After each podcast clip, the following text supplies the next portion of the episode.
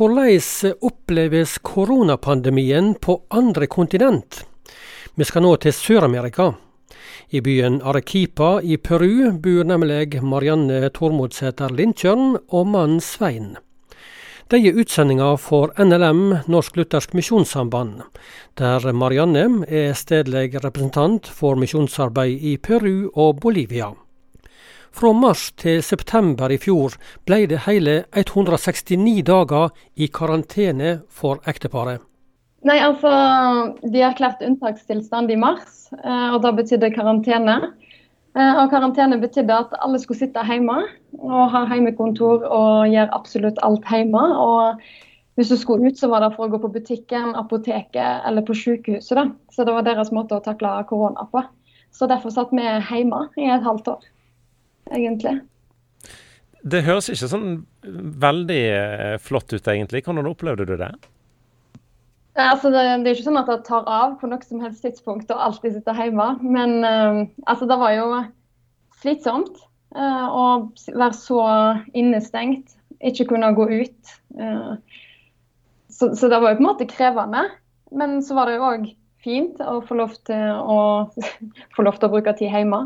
og Altså, vi har det jo godt. Vi har jo hatt jobb og har hatt alt vi trenger hele veien. Og har ikke trengt å bekymre oss for framtida eller om vi har råd til å kjøpe mat. Eh, så vi har jo på en måte eh, hatt det fint uansett. Og vår, altså for oss var Det verste var på en måte isolasjonen i seg sjøl. At en ikke har lov til å gå ut, og at du kan bli tatt av politiet hvis du går ut. Men så har du peruanerne som der mange av de har mye mindre enn det vi har. og som ja, har måttet virkelig bekymre seg eh, for framtida og om de har nok mat eh, og penger. Og så, så, på en måte, det, har, det var kjipt for oss òg, men det kan på en måte ikke sammenlignes likevel, fordi vi har hatt det så utrolig trygt oppi det hele. Ja, gi oss et lite innblikk i hvordan eh, en, den jevne peruaner har, har, hatt det og har det. Nei, Mange lever jo fra hånd til munn og er avhengig av å gå ut for å tjene penger, og kan på en måte ikke ha heimekontor når de må gå ut og selge noe eller kjøre taxi eller den type ting. Så mange har hatt det skikkelig krevende. Da å plutselig måtte sitte hjemme, og de har ikke fått lov til å gå ut. Uh, og så har det jo vært lite kapasitet på sykehusene. Så når du da ikke har penger, du vet at hvis du blir syk, så får du mest sannsynlig ikke hjelp.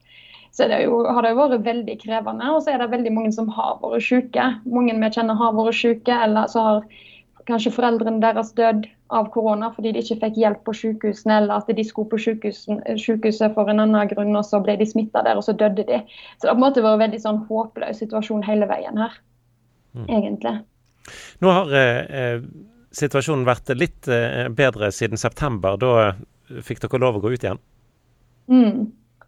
Ja, fra september da, da åpna det litt opp, eh, og så fikk vi lov til å gå ut. og der var jo på en måte luksus eh, å få lov til å gå ut av huset og bevege seg rundt. Det har jo på en måte ikke vært lov til å være så veldig sosial fram til nå. Eh, og så ser en jo nå at eh, det blir mer smitte igjen da når de har hatt åpent så lenge.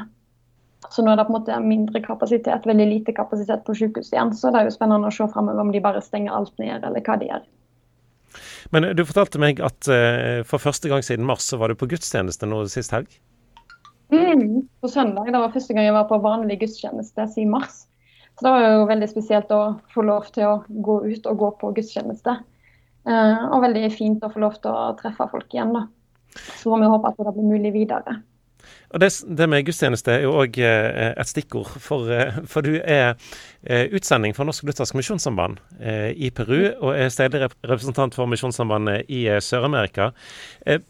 du hadde jo tolv andre eh, kollegaer, egentlig. Eh, nå har ikke det vært så mange som har vært eh, ute der de egentlig arbeider. Men, men, hva slags arbeid er det du har ansvar for eh, som utsending for Misjonssambandet vanligvis? Ja, altså vi jobber jo i lag med de nasjonale kirkene, de lutherske kirkene i Peru og Bolivia, som vi samarbeider med dem. Og våre jobber jo på en måte å støtte dem eh, og jobba i lag med dem. Eh, så vi har et eh, teologisk seminar som vi driver med teologisk opplæring ja, fra studenter fra kirkene deres som skal bli pastor eller ledere senere. Så måte teologisk opplæring er viktig for oss. Og så har vi jo òg litt nybrottsarbeid der vi jobber i lag med kirkene om det, forskjellige plasser. Og så har vi familieprosjekt. Og så jobber vi òg med å gjøre kirkene så selvstendige som mulig. da. Og der vi òg inne og ser på hvordan vi kan hjelpe dem med at de skal samle en del penger sjøl, sånn at de blir mer selvstendige og trenger oss mindre. da. Så det er litt av tingene vi holder på med.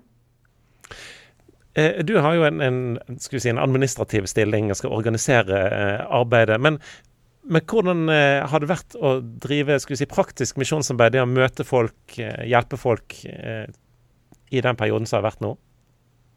Nei, Det har jo vært veldig vanskelig når en ikke kan gå ut og må sitte hjemme.